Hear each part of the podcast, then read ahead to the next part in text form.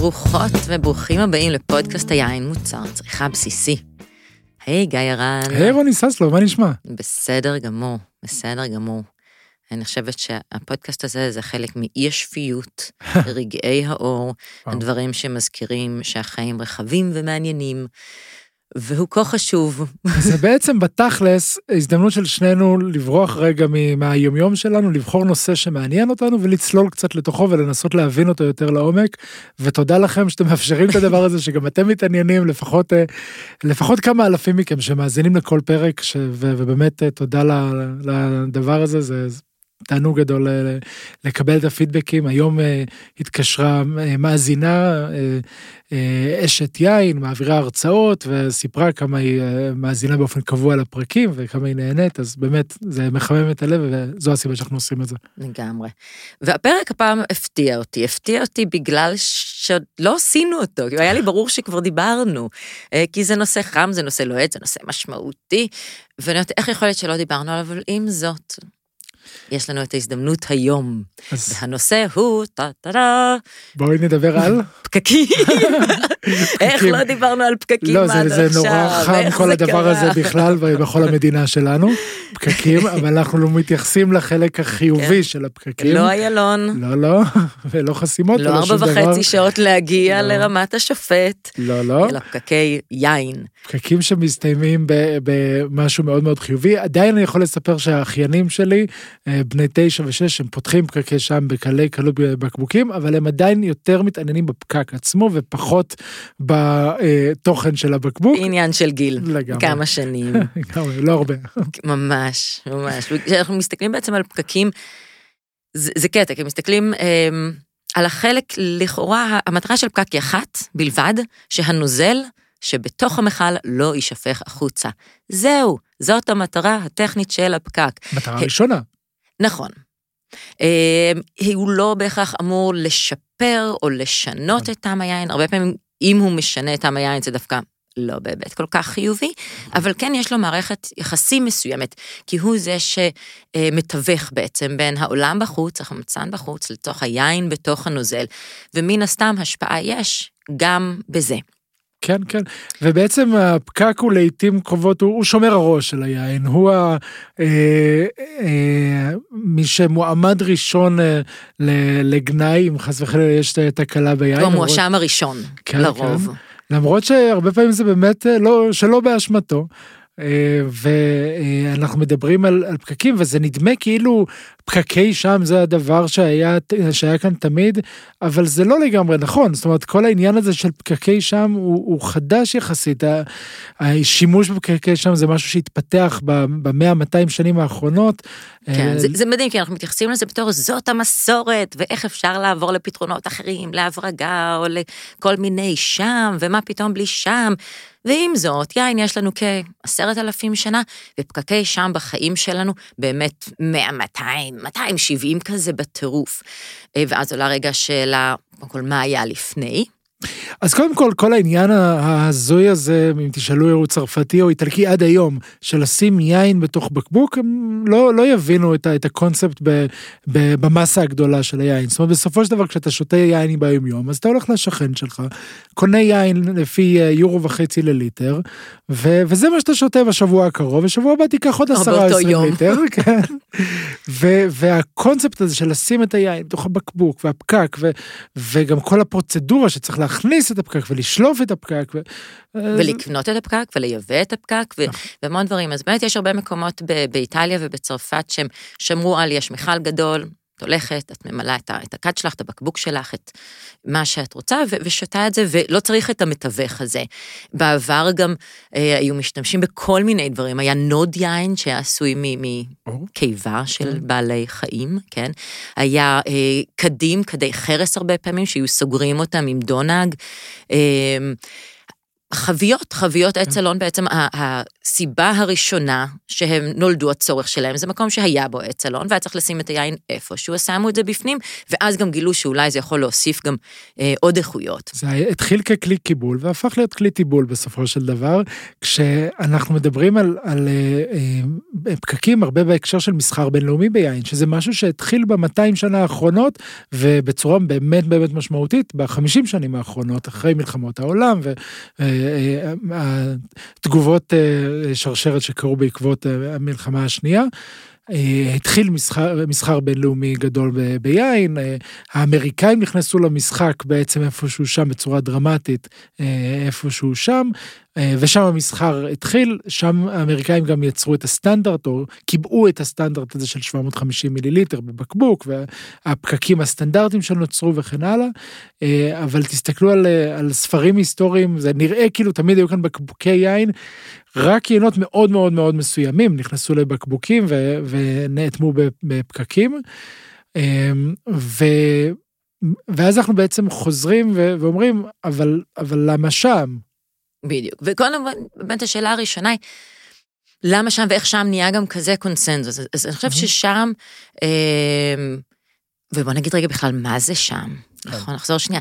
אז בעצם השם שאנחנו מכירים זה, זה כמו חירור, כמו שלוקחים תפוח ועושים חור באמצע, רק שלא עושים לתפוח, עושים לקורקוס סובר. זה אלון השם, שיש לו קליפה שנהיית כזאת פלאפית ורכה ו- ומאוד נעימה עם טקסטורה ו- ומראה יפה יפה, מומלץ ל- לנסוע לפורטוגל או לעשות גוגל. ו- וזו תעשייה שלמה שהיא בעצם אה, חיה לצד החיים. יש יערות של אה, אלון אשם. בעיקר באזור הים התיכון, 50 אחוז נמצא בפורטוגל, 31 אחוז בספרד, ואז עוד כזה 6 אחוז מרוקו, 5 אלג'יר, טוניסיה, צרפת ואיטליה. אה, אבל באמת הרוב בפורטוגל. ויש משהו מאוד חכם גם בשם, זה חומר טבעי, זה חומר גמיש, אפשר למעוך אותו, לכווץ אותו, להכניס אותו לתוך הבקבוק, הוא מאפשר מעבר מסוים של חמצן דרך, כי אנחנו, המערכת יחסים עם חמצן ויין היא, היא מורכבת, it's complicated. מצד אחד אנחנו בשביל החיים אה, צריכות חמצן, גם היין הוא, הוא יצור חי לגמרי, הוא כל הזמן משתנה, הוא כל הזמן מתפתח, הוא לא אה, דומם בשום שלב. אז, אה, והחיים תלויים בחמצן. אז כשיש הרבה חמצן, היין מתבגר מהר יותר, ובסופו של דבר גם ידעך אולי מהר יותר. אם יש פחות מדי חמצן, נקרא לו מה שנקרא תהליך חיזור, רידקטיב, הוא יהיה ממש חנוק, אה, ולפעמים בהתחלה איך שפותחים את הבקבוק במוזגים אפילו קצת מסריח ריח, אבל שכן מתנדף יחסית מהר. אני רוצה רגע, ברשותך, עוד לחזור אחורה לחלק של השם עצמו. כן. למקור שלו, זה בהחלט אה, אה, אלון נשם, כשאנחנו מדברים על הקליפה של אלון נשם, שיקלפו פעם ראשונה אחרי משהו כמו 25 שנים, ואחרי זה כל, כל כמה שנים. בין 9 ל-14, זה כאילו בציר הראשון גם, זה אחרי באמת איזה 27 נדמה לי, פחות או יותר תלוי אה, בהתפתחות שלו. אה, ואחר כך כל, אה, בסביבות המינימום תשע שנים. נכון. אה, ויש יערות מראש שמוגדרות בתור יערות שעם, שכל עץ יש לו מספר, הוא ממופה, הוא mm-hmm. מוכר, יש לו את ההיסטוריה שלו, כן. מן הסתם מוגן. כן, כן, ואנחנו רואים את זה באמת בעיקר בפורטוגל, שהיא היצרנית הגדולה ביותר של שם בעולם, אבל אה, אפשר למצוא את זה גם במקומות נוספים בעולם. והעניין הזה של שם אה, קיים בעצם כחומר גלם שאנחנו משתמשים בו במשך אלפי שנים, למעלה מחמשת אלפים שנה שהוא קיים בעולם. בדיוק, אנחנו כאילו רגילים לחשוב, אוקיי, שם, מה זאת אומרת, זה רק ליין, איזה עוד אופציה יש לעשות, לא, מה עוד אפשר לעשות עם שם מלבד יין? כל כך הרבה. כל כך הרבה, כי סך הכל פקקי יין אה, זה רבע מסך הגידול ועיבוד של שם בעולם, אבל הדבר המעניין הוא, זה שהוא מתוך אה, ענף השם הוא נחשב למוצר יוקרתי יותר, כי זה 25 אחוז מסך כל מה שמגדלים, אבל זה 72 אחוז מההכנסה מבחינה כלכלית. המשמעות הכלכלית היא מאוד מאוד מאוד חשובה ספציפית לפקקי השם כן. ליין. כשבעצם אפשר לעשות משם עוד המון המון דברים, אז אה, במקור השתמשו בשם כחומר ציפה אה, עבור בנייה של סירות.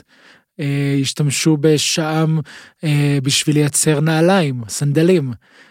השתמשו בשם להמון דברים, כולל אפילו היה איזשהו בחור ביוון שטען שהשם מונע התקרחות.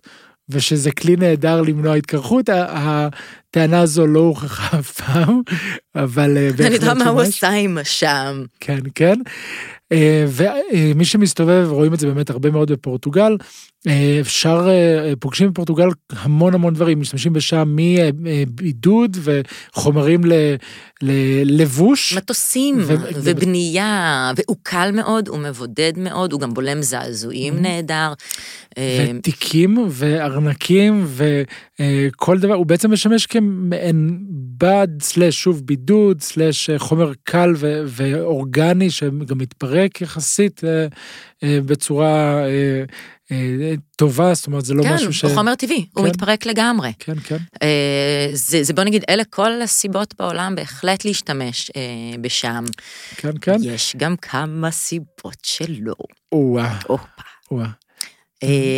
אני אגיד את זה, בדיוק, נגיד, לא, נשמור, נשמור על מתח, נדבר על זה בהמשך, על איזה כן אתגרים, בעיות. אז בואי נדבר על מה עוד יש חוץ משם? איך אפשר לסגור בקבוק יין? אנחנו צריכים בסופו של דבר איכשהו לשנע אותו מה, מהכרם, מהיקב אלינו, אם זה במדינה שלנו, אולי לחו"ל. איך אפשר לסגור יין בדרך אחרת? אז יש היום יותר ויותר אופציות, וכיום 30% מהבקבוקי יין הם כבר לא עם שם, אלא עם כל מיני אה, אלטרנטיבות. אה, בגלל שיש כן כל מיני בעיות עם שם, גם אה, של פגיעה ביין וגם של המחיר ועוד כל מיני, אז מחפשים כל הזמן פתרונות אחרים. אז הפתרון מן הבא שעלה להיות אופציונלי, זה פקק הברגה. פקק הברגה, ציפוי אלומיניום, בפנים יש מין ציפוי סינתטי כזה.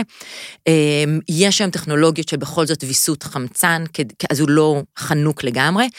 אה, וזה מעניין שמצד אחד זה פתרון חדש, אבל עדיין בחרו מבחינת העיצוב שלו לשמור על הצורה המסורתית, קצת כמו של הקפסולה, אה, שמכסה את כל הבקבוק. אז אם אתה רואה מרחוק הברגה, אתה לא בטוח שישר תראה את זה. אז זה, זה כאילו מתקדם מבחינה טכנולוגית, אה, עדיין שומר על איזה אופי שמרני מסוים. שומר על מה שמוכר בסופו של דבר, וכשאנחנו מדברים על פקק הברגה, ועוד נזכיר את זה בהמשך, אה, זה נתפס כמשהו שהוא, שהוא אולי קצת אה, אה, חדשני סלאש אולי נחות במידה מסוימת בהשוואה לשם ו, ומשם יש אולי את הרצון לייצר את, ה, את הצורה אה, שמזכירה.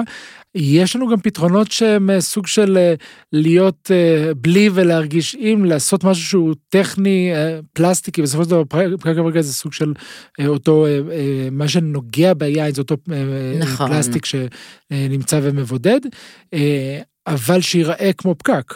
בדיוק. אז, אז מנסים באמת סביב ההברגה כל מיני פתרונות, וגם יש אנשים שהם כן אה, מין אמיצים יותר. יש את אה, Domaine Laroche בשבלי, שהוא כן שם יינות Premier Cru ו Grand Cru עם עם פקק הברגה. אוקיי. Okay, אה, אנחנו מוצאים את, כן את המקרים הנדירים מחוץ לאוסטרליה, ניו זילנד, שאנחנו כאילו רגילים לזה. למרות שגם באוסטרליה וניו זילנד בשנות ה-80 הם התחילו, ואז מין דחקו אותם, אמרו אין סיכוי, לא רוצים הברגה. כן. ובשנות ה-90, מה שהחזיר לפרק את הנושא של ההברגה שם, זה יצוא לסין. אה, ואני חייבת להגיד, גם שנייה, יש מלא יתרונות להברגה. לא צריך פותחן, אפשר לפתוח בים. היין לא יתקלקל. כן, כן. יש כן. אחידות כן. בין הבקבוקים. כן, כן, ובאמת אה, הרבה, הרבה דברים אחרים. דיברת על, על שבלי, אז כן, אה, יצא לי לראות בעיניים יותר מפעם יצרנים בשבלי, שזה מקום מאוד מאוד אה, מסורתי צרפתי, שאת היין שהם עושים עבור אוסטרליה, עבור ניו זילנד, עבור דרום אפריקה, מדינות כאלה שמבחינתן לא מוכנות לקבל פקקי שם, כמעט בכלל, עבור היצוא הספציפי הזה, הם פוקקים בפקק הברגע. רק האלה. אבל זה עצם זה שהם בכלל מין מסכימים להוציא מוצר שלהם עם פקק הברגה, זה אומר שהם עומדים מאחורי זה. כי עם יין, עם כל הכבוד למסחר, קודם כל היין הוא זה שצריך אה, לעבור בצורה שהיקב מאמין שזה. נכון ומתאים. אז אנחנו מדברים על פקק הברגה, מדברים על פקק שם, אבל יש לנו גם משהו שהוא בין לבין. יש לנו גם סינתטי, יש לנו uh, גם פתרונות סינתטיים שהוא מין במבנה שלו כמו שם, נכנס פנימה, חומר סינתטי לחלוטין, שזה, רוב הפקקים הסינתטיים, היתרון שלהם זה האחידות בין בקבוקים, uh, זה כן לבחור כמה חמצן יהיה, כן. הם לא, בניגוד לשם, הם לא... Uh, um, הם מתפרקים, הם כן מתמחזרים, okay. אוקיי. מבחינה אקולוגית יש לזה את ההשלכות של זה. עדיין אנשים, בוא נגיד, חצי מקבלים את זה בחצי קלאץ', בדיוק okay. בגלל זה מנסים שהם ייראו כמו שם. אז זה בעצם, אני חושב שאחד העיקרים ש... שהביאו לקדמת הבמה את הפקקים הסינתטיים בישראל, זה יקב ססלוב, ש... אה, לקח פקקים, אה, למיטב זיכרוני, בצבע שחור. נכון. שבעצם באים ואומרים, אנחנו לא שם, כי יש פקקים סינתטיים שנראים כמו שם, באותו צבע וכביכול מאוד דומים. אה, נכון, לא, אנחנו אמרנו, זה לא שם, ויש סיבה, יש סיבה שזה לא שם. אה, ואנחנו עומדים מאחורי זה, כי קודם כל באמת לא רצינו שהיין יתקלקל, כן, רצינו שיהיה מעבר חמצה, רצינו את כל היתרונות שיכול להיות לסינתטי, אה, וגם ספציפית בחרנו חומר ש, שמי שפיתח אותו היה קרדיולוג, אבל זה אה, סיפור אחר, אמרנו אם זה טוב ללב האדם, זה טוב גם ליין שלנו. ומעבר לסינתטי באמת יש, גם עם הסינתטי נגיד, מבחינת הטקסיות שלו והשמרנות שלו, גם אותו פותחים כמו פקק שם. אה, אז שומעים את הפאק והטקס עצמו, הסינתטי בוא נגיד בחר לשמור על החלק הזה בתוך הטקסיות. מעולה, מעולה, ויש באמת עוד כל מיני פתרונות, כשאחד הפתרונות היותר מעניינים בהקשרים של פקקים, היותר אולי אלגנטיים, קלאסיים, שמתחילים לחזור או להגיע בעצם לישראל, אה, זה פקק זכוכית. נכון. שאחד היקבים, העניינים שמשתמשים בפקקים האלה זה אה, אריאל מיקב בת שלמה, אה, שהצטרף אלינו לספר קצת על המשמעויות של הפקקים השונים. אז נזמין את האורח ה... ראשון שלנו, ארי ארל, ארי הוא אה, יועץ ובונה מותגים בארץ ובעולם, הוא למד ועבד בנאפה ואלי בקליפורניה, ובארץ הוא הקים מעל שלושה מותגים של יין, הרצה, לימד במכללת עולאו, יינן של יגב שלמה, ומכיר יינות מזנים אנדמיים, ובהקשר שלנו פה מכיר ועובד עם מגוון מאוד מעניין של פקקים. היי ארי. היי, איזה מקדימה. שלום שלום. אז אה, יוצא לך לעבוד עם כל מיני סוגים של פקקים, אני מניח ששם אה, זה, זה אולי הבסיסי הסטנדרטי יותר פה בארץ, אבל עם איזה עוד סוגים של פקקים? כן, אני עובד עם גם הווינולוג, שזה פקקי זכוכית, עם הפקקי שם טכניים, שזה הטכנולוגיה של גריסה של פקקים, וגם הפקקי שם בכל מיני רמות גבוהות ושונות. אז גם שם שהוא חתיכה שלמה, גם שם שהוא אה, מה שנקרא אגלומרט, שהוא אה, חיבור של שם מפורר בשביל למנוע... אה... כן, לוקחים בעצם אה, שבבים של שם והופכים אותם אה, אה, לצורה של פקק. כן, אני, האמת שזה תוצאה של היסטוריה די ארוכה. אה, אבל בעבר כולם היו עם פקקי שם, ו... והיה תמיד בלאי של, של איזה 7-10 אחוז של פקקים, ש... שהבקבוקים שיצאו עם קורקי, קורקי זה TCA, ו...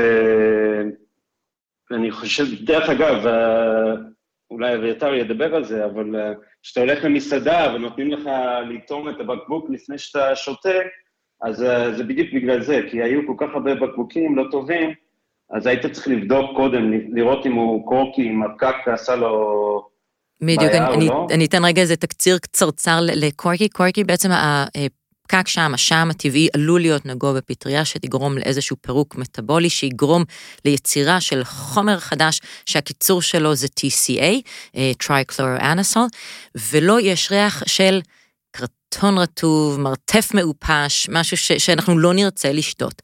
אה, אז אם הפקק שעם נגוע בזה, והרבה פעמים מאוד קשה בכלל לאבחן את זה, והוא נוגע ביין, ליין עלול להיות ריח המעופש. ומילה מהאקדמיה על הלשון העברית, אה, שעמת. שעמת!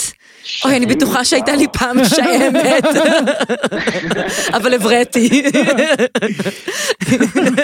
אני מכיר אנשים שעדיין יכולים.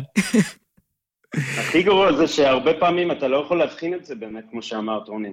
בדיוק. ואז uh, פשוט uh, אנשים לא אוהבים את היין והם uh, לא שותים אותו יותר. וייננים, ב... כאילו, כשעבדתי בנאפה בשנות האלפיים, אז הם, uh, הייתה סוג של, uh, בכל העולם מרדו נגד העניין הזה, כי הרגישו שזה לא, זה לא מקובל, זה לא בסדר שיהיה 7% מהתוצר שהם רוצים להגיע לקהל, שלא יהיה טוב. אז uh, התחילו לחפש אלטרנטיבים, ואוסטרליה וניו זילנד עברו מאוד מהר לפקק הברגה, uh, כי זה עולם החדש, ובקליפורניה גם התחלנו לחפש אלטרנטיבות, אז, אז נכנס כל מיני דברים, כמו הפקק הזכוכית, אחר כך היה הגלומרט, ואז תעשיית הפקקים בספרד ופורטוגל, הם uh, שמו לב שהם הולכים לאבד את כל. הפרנסה שלהם, אז הם התחילו להיכנס ל... למחקרים מאוד מאוד ארוכים ויקרים, ומצאו כל מיני דרכים טכניים לנקות את הפקקים וגם לבחון אותם, לראות אם יש להם את ה-TCA או לא. כן, אבל אז בסופו של דבר כזה דבר אה, מאוד מייקר את הפקק. זאת אומרת, בוא נבין שנייה, אה, דווקא מהזווית שלך כעינן, אה, יש גם את השיקול של מחיר הבקבוק בסופו של דבר. כמה עולים פקקים שונים כאלה? כן, אז יש מלא מלא מחירים, וזה לפי, לפי גודל ולפי מיון. אז uh, בפקק שם טבעי, בוא נגיד. הבנתי. כמה יעלה פקק שם באמת? מה הסטנדרטים, פלוס מינוס? זה יכול אה, לנוע משקל 20 ל-2.20, משהו כזה. לפקק. רק לפקק עצמו. כן, כן. שנבין כן. שכל הענבים עבור הבקבוק יעלו בדרך כלל באזור הבין 5 ל-15 שקלים פר בקבוק, משהו כזה, כך שזה חלק מאוד משמעותי מהעלות. אה, זה כשאנחנו מדברים על פקק שם, מה עם פקקים אחרים, כמה הם עולים? הפקק, אני קורא לו פקק טכני, הגלומרט, כמו שרוני אמרה, יש כל מיני סוגים ו... וטכניקות לייצר אותם, שהם אה, יותר טובים, פחות טובים, אבל הם עולים אה, בערך חצי. אוקיי, okay. okay, וואלה, גלומרט חצי מהשעה, מעניין. והברגה... או זכוכית. או זכוכית, בוא נדבר על הזכוכית באמת. אז זהו, התחלתי לעבוד עם הזכוכית בקליפורניה, ומאוד אהבתי את הפתרון הזה, מכמה סיבות. Uh, דווקא לא כלכליות, לצערי, הם uh, די יקרים, הם עולים כמו פקק שם. אוקיי. Okay. טוב. והמילוי שלהם, השימוש ביניהם, הוא, יש מכונה שיודעת לשים אותו? זה צריך להיות ידני? הבנתי שגם טכנולוגית יש קצת בעיה לסגור את הבקבוק עם הזכוכית. יש, יש מכונה שאפשר לשלב עם המכונת בקבוק, אבל אני מצאתי דרך אה, מסביב, בעיקר, כאילו, בגלל שאנחנו תעשייה קטנה בארץ ואנחנו, אין לנו כמויות ענקיות עם זה, אז אה, אנחנו עושים את זה פחות או יותר ידני. יפה. כאילו, משלב, משלבים את זה עם המכונת בקבוק. כן. כשאנחנו מדברים על פקק זכוכית, אה, זה ממש זכוכית על זכוכית נטו ש... שיושבת, או שיש עוד איזשהו משהו שמתווך בין השניים? כן, זה הזכוכית עם ה... איך קוראים לזה? טבעת ה-EVC. מין סיל... כמו סיליקון כזה. כן, זה חומר מורשר מזון שהוא מאוד טוב, אז זה ממש טבעת קטנה, שזה עושה את הסגירה האחרונה, ומעל זה שמים את הקפסולה שהוא לא... יפה, שיש לא לזה גם את, את היתרון האדיר שאפשר לפתוח ולסגור. זה, כן, זה לש... אז... כן. שזה הופך, אז... הופך בסוף לבקבוקים שאתם משתמשים למים בהם, במקרר הביתי. כן, אז זו הסיבה שאני כל כך אוהב אותם. Uh, כאילו, אחד זה, הם מאוד יפים, ו... Uh, וטכנית הם נותנים לי פתרון מאוד טוב ליין סוביניון בלנק ורוזה וייינות לבנים, אני גם עושה אייס ווין עם זה, mm. שבת שלמה. ו... שמה היתרון? מה אתה מרגיש שאתה מקבל, אה, או מה ההבדלים נגיד בין השם לאגלומרט לזכוכית? מתי או לאיזה יין תבחר להשתמש באיזה פקק? כן, אני משתמש בזה ל... ליינות לבנים ורוזה מאוד uh, פרשים, מרננים, uh, קלים, ש... ששותים בקיץ. תוך שנה, שנתיים, זה, זה יינות uh, כאלה, וטכנית זה שומר את היין מאוד מרנן, וגם נראה מאוד טוב. כן. הוא גם uh, בשביל בת שלמה, זה כאילו יקב ש, שהרבה, כאילו עושים את היין בצורה מאוד מסורתית, אבל uh, גם אנחנו באים מצד הישראלי, ההייטק, הבעל הבית אלי ורטמן, הוא גם בא מעולם ההייטק, הזה, סוג של uh, משלב את המסורת עם ההתקדמות והטכ... וטכנולוגיה. כן. אז זה גם uh, מסמל קצת את הסיפור של היקב, וגם מבחינה שיווקית uh, זה מאוד טוב, כי הוא מאוד יפה, אנשים זוכרים את זה, וגם מבחינת הסביבתית, אנשים uh, שומרים את הבקבוק, הם uh, ממלאים מים, שמן זית, ו... ומשתמשים בזה עוד פעם ועוד פעם, זה... מצמצם פסולת. זה הרבה שיקולים ש... מצמצם בזבוז. משתמש פה. כשגם אנחנו מדברים באמת על יין לבן, אה, שהוא קצת יותר רגיש, שוב בהכללה גסה, אבל קצת יותר רגיש מיין אדום, אה, ובדיוק המקום שבו אנחנו לא רוצים לאפשר שום לכלוך, שום, אה, שום דבר, לשמור על מקום שהוא מאוד מאוד מאוד נקי, ובזכוכית יש אולי איזשהו משהו שהוא נתפס אפילו כקצת יותר נקי. אה, משהו ש, שהוא אינרטי לחלוטין מול, ה, מול היין.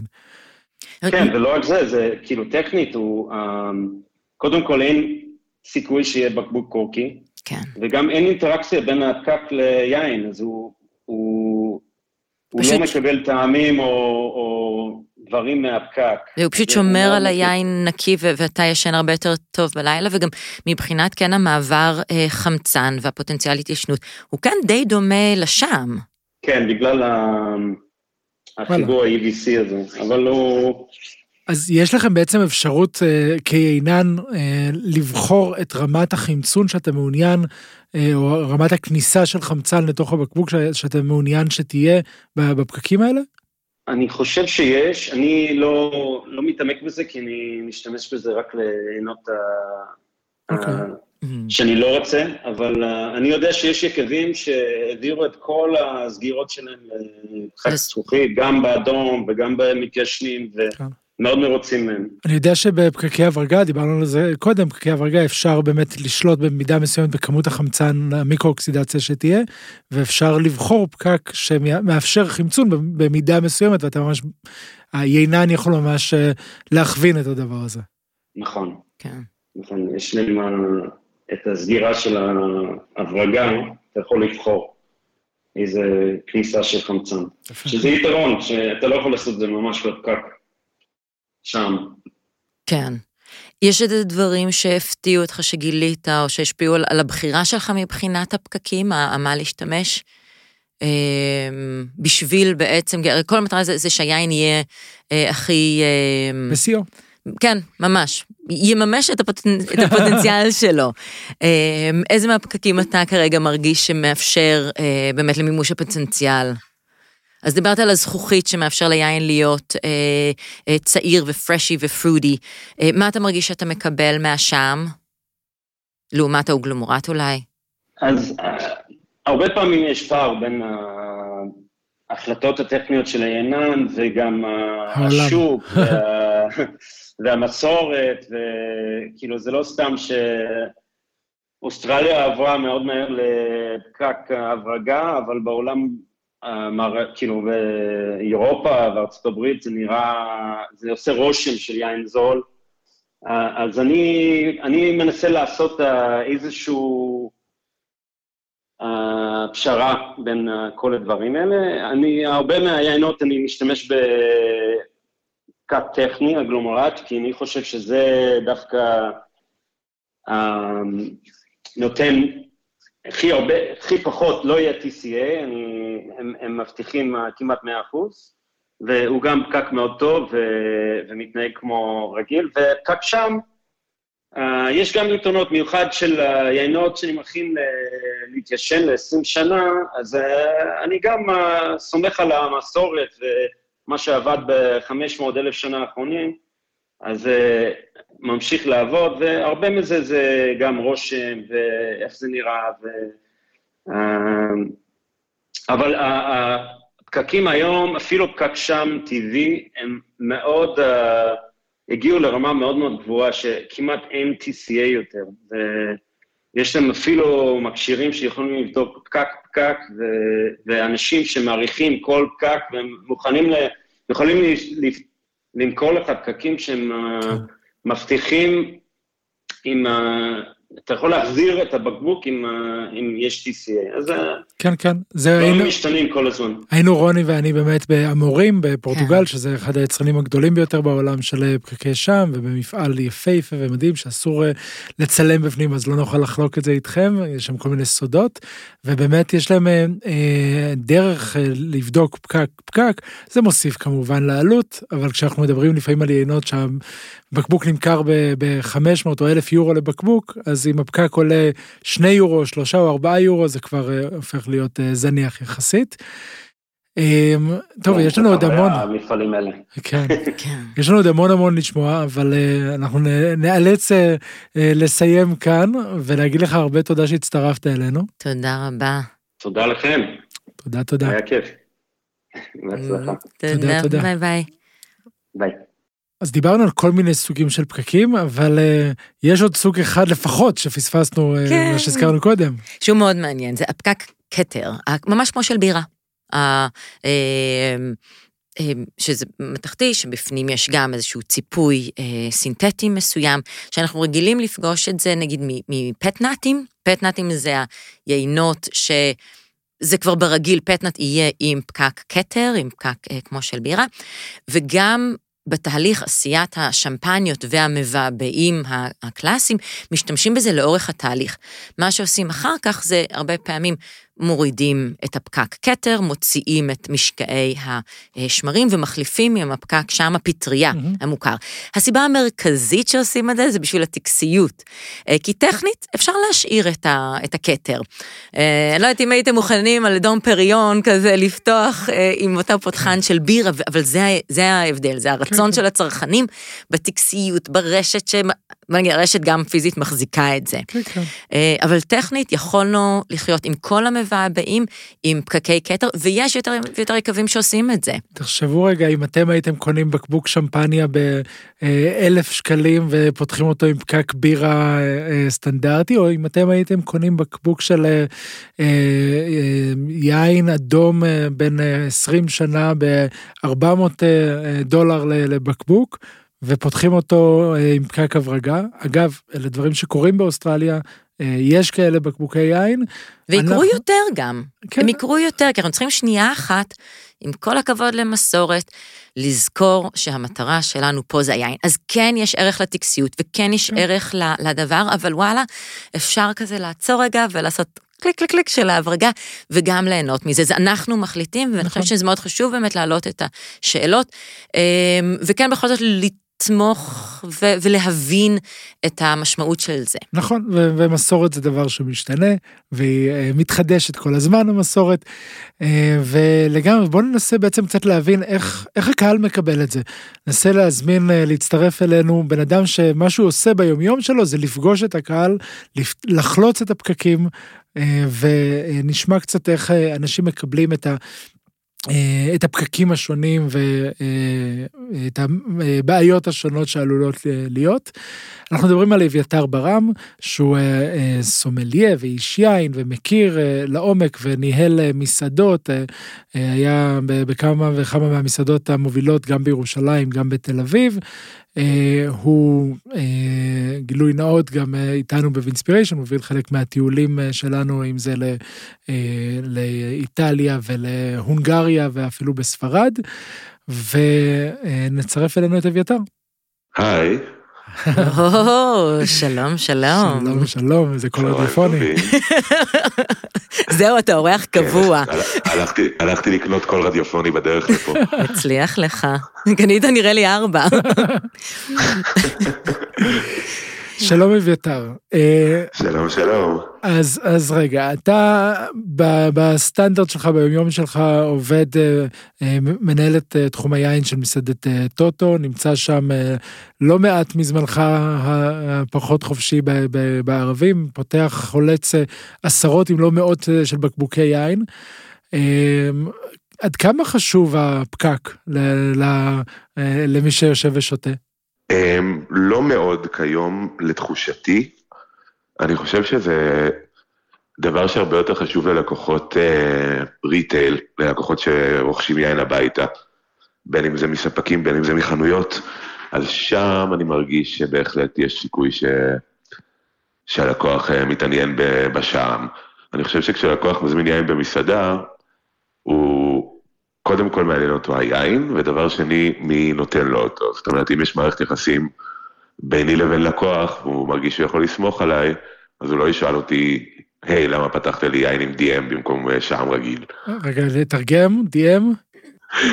אני חובב גדול של שעם סינתטי, באופן כללי, אני חושב שזה הפתרון אה, כן, זה, הגלום, זה הגלומרט שדיברנו אה, עם ארי לפני רגע, שזה באמת שם טבעי שעבר מין פירוק, ניקוי והרכבה מחדש, והוא נקי אה, מ-TCA. נסורת של שם שקובצה לצורה של פקק מחדש. אה, אז כן, אז זה, זה באמת פתרון שימנע מבעיות ומחלות, ו, וכמה באמת קורה אה, שיש אה, בעיות ו, ותקלות שקשורות בשם? כמה אתה פוגש את זה סביבך? אתה צוחק עליי, נכון? חשבתי שבגלל זה קראנו לי. הכינוי של אביתר זה קורקי, שעמת. כן, זה הכינוי שלי בתעשיית היין, כל פעם שמישהו פותח יין קורקי הוא מתייג אותי, זה... תמיד אומרים ביקבים שברגע שיש TCA, ברגע שיש את הדבר הזה, אז מאוד קשה להיפטר ממנו, כנראה שזה קשור גם אליי. אז אני חושבת שהתפריט יהיה כולו הברגה. אה, אני גם בעד. אני חושב שמדובר, מדברים על 2 עד 3 אחוז מפקקי השם, כשאני לא יודע אם אמרתם את זה קודם, אבל יש עוד דרכים שבהן TCA יכול להיכנס לבקבוק יין גם אם אין לו פקק שם. האמת שלא הזכרנו. לא הזכרנו, וזה, אתה מוזמן לספר לנו בכמה מילים. אמ, עקרונית, מה שגורם ל-TCA להיווצר, זה כשהפטריה הזאת, או הבקטריה הזאת, איך שתקראו לה, פוגשת שני דברים. אחד מהם זה כלור, והשני זה מרכיבים פנולים, או בעצם חומרי ריח. כשהדבר הזה קורה, נוצר מפגש, ואז נוצר ה-TCA. זה יכול לקרות בחביות עץ אלון, זה יכול לקרות בתוך בקבוק יין, אמ, ולכן בעצם כבר לא ממש מנקים עם כלור ביקבים, נקרא לזה 30 שנים האחרונות. וכמה אתה פוגש את זה? שזה אני רוצה רגע כן. להגיד, זאת ירידה, כי בעבר לפני 15 שנה, אז דיברנו בין 7 ל-10 אחוז. אה, אז 15 שנה זה, זה עוד פעם, תלוי את מי אתה שואל, וזה בדיוק העניין שהרבה פעמים המחקרים האלה הם כן אה, ממומנים. זה מחקר מגוחך. אה, כן. אז... אי, ו... אי, אפשר, אי אפשר לתת סטטיסטיקה של משהו שאתה צריך להיות מאומן כדי לזהות אותו. כן. ועם זאת אנחנו כן רואים ירידה, עדיין אחוז יחסית גבוה, ואיך זה משפיע בכלל על הבחירה שלך בתור סומליה, לאיזה יינות לשים בתפריט? כמה מהשיקול הוא קשור לפקק, אם בכלל? אפס. אפס. אוקיי. אפס, אבל זה באמת דבר שאני צריך לחיות איתו, זאת אומרת, אני פותח להערכתי, כ... נקרא לזה בין חמישה לחמישה עשר בקבוקים תקולים בחודש, אם לא יותר. באחוזים כמה זה? אמ, בואו נניח שאני פותח 25 בקבוקים ביום, נקרא לזה 30 כדי שיהיה קל, זה 900 בקבוקים בחודש. אה, זה אחוז, כאילו, אני חושב שאני פותח אפילו יותר, יותר מקולקלים. אוקיי. Okay. זאת אומרת, אני מעריך שהאחוז האמיתי של, אה, של TCA ביין הוא יותר קרוב למה שדיברו עליו לפני 15 שנה. כן, כי זה באמת לא שחור או לבן, זה, זה, זה פגם שגם יכול להיות כמות מאוד קטנה ממנו, שרוב האנשים בכלל לא יבחינו בזה. רק באמת חדי עין, או אלה ש... שנרתעים ממרתפים אה, לחים וסמרטוטים. חשוב, חשוב רגע כן להדגיש את הדבר הזה, זה לחלוטין בעצם משהו שנרגיש רק באף, לא רואים את זה על הפקק בכלל, בכלל, בכלל. אה, לא מעט אנשים אה, שואלים אותי אם, אם אני רואה את זה על הפקק, אז אי אפשר לראות את זה על הפקק. לא, אי אפשר לראות את זה על פקק, אפשר להריח את זה, אפשר לטעום את זה, זה מאוד לא כיף.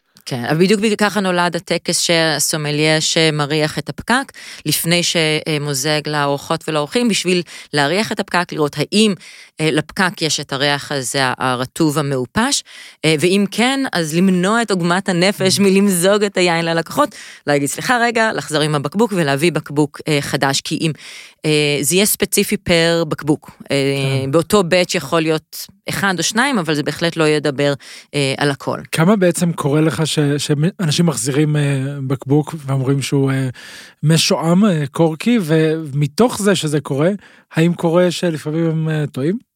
אמ, בדרך כלל, בגלל שיש לי גם אה, רגישות מאוד גבוהה וגם ניסיון מאוד עמוק עם הדבר הזה, אה, זה לא מגיע ללקוח. זאת אומרת, אם יש לי חשד מה, מהפקק, אז אני תואם לפניו או מריח לפניו. בדרך כלל מה שיקרה, וזה לא שזה לא קרה לי השבוע פעמיים, זה שאני אפתח, אריח את הפקק, אמ, אגיד ללקוח, סליחה שנייה, אני צריך לבדוק את זה. אמזוג לעצמי טעימה, אם הוא טוב אז אני אגיד שהיה לי חשד והחשד אה, החשד עבר, mm-hmm. ואם לא אז אני פשוט אחליף את, אחליף את היין מיד. כששמתי לב בפעמים האחרונות שלקוחות התחילו להתעניין בזה יותר, זאת אומרת, אה, קורה לי לא מעט כשאני מביא את הבקבוק החדש, הם מבקשים ממני לערוך אה, השוואה, oh. להגיד, הם בעיקר רוצים לדעת איך זיהיתי את זה. ואז אני יכול להעביר שיעור נחמד באיך לזהות PCA ביין, ולמנוע את עוגמת הנפש הבאה. יפה. יש עוד uh, פגמים שיכולים להיות שמקור שלהם זה בפקק. Uh, חמצון. אוקיי. הכי נפוץ כנראה. כן. יכול לבוא ממיליון ואחת סיבות, ואחת הסיבות שגם בעיניי שם זה לא, זה לא פתרון אמין okay. כל כך. ואיך זה באמת מבחינתך, אני מניח שצריך לפתוח גם בקבוקים אולי ותיקים יותר, איך הפקק מתנהג? הרבה פעמים, תלוי מאיפה. זאת אומרת, הרבה פעמים בקווים טובים מאזורים שידועים בהתיישנות שלהם, לצורך העניין, פקקים מבורדו בדרך כלל לא מתפרקים כשאתה פותח אותם עם פותחן, גם לא מפיימונטה. שוב, כל עוד הם נשמרו כמו שצריך.